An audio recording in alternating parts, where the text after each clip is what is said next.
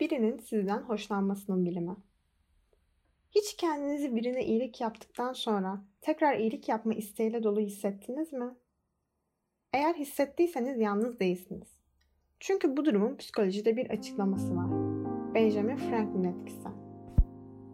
Bu durum hoşlanmadığınız ya da herhangi bir duygu beslemediğiniz bir kişiye iyilik yapmanız durumunda kişi hakkında olumlu duygulara sahip olunması durumu olarak tanımlanıyor.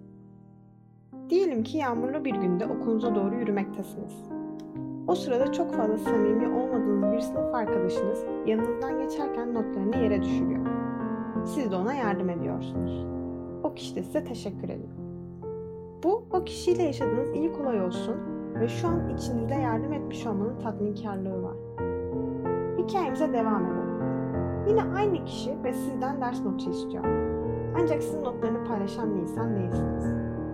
Normalde hemen reddederdiniz değil mi? Ama bir düşündünüz ve olasılıkları kafanızda tarttınız. Eski iyiliğiniz aklınıza geldi ve şöyle düşünmeye başladınız. Ben zaten daha öncesinde o kişi daha zor durumdayken yardım etmiştim. Şimdi neden olmasın?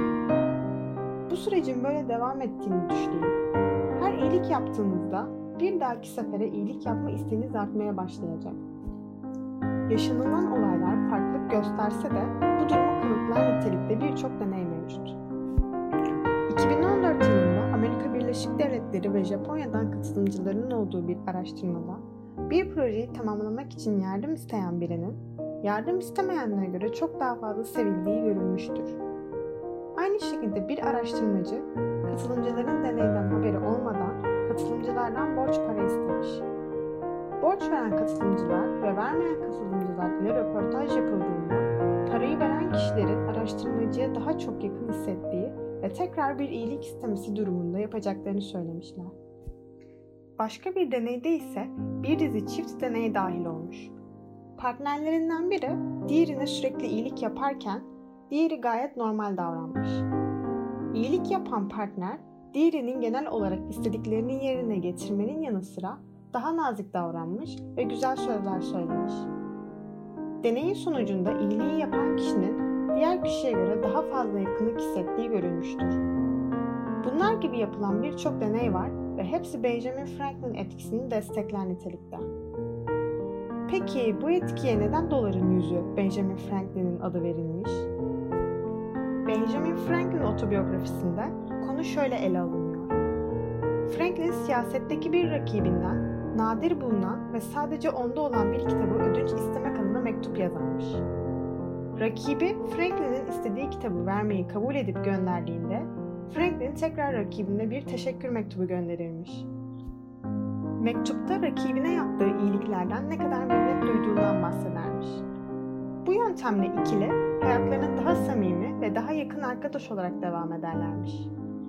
Franklin'in otobiyografisinde bahsedilen bu olaydan dolayı Benjamin Franklin etkisi adını almış.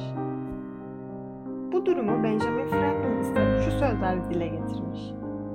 Bir zamanlar size iyilik yapan biri sizin ona borçlu hissetmenize kıyasla yeni bir iyilik yapmaya daha hazır olacaktır. Tabii ki bilimde de bu fenomen sıkça karşımıza çıkmaktadır. Bu fenomen sinir bilimi ve psikolojide bilişsel uyumsuzluk adı altında değerlendirilmiştir. Sevmediğimiz bir insana iyilik yapmak zihnimizde bilişsel tutarsızlığa yol açar. Bu eğilimi engellemek için de o kişiden hoşlanmaya başlarız. Kısacası sevmediğimiz birine iyilik yapmamızı açıklamamızın en mantıklı yolu aslında o kişiyi sevdiğimizdir. Yani birisine bir şey yaptığımızda onu gerekçelendirmeye çalışarak tutarsızlığı en aza indirgemeye uğraşırız. Bu o kadar güçlü çalışan bir mekanizmadır ki birine nazik davrandığımızda bile o kişiyi daha sempatik ve samimi bulmaya başlamamıza neden olur.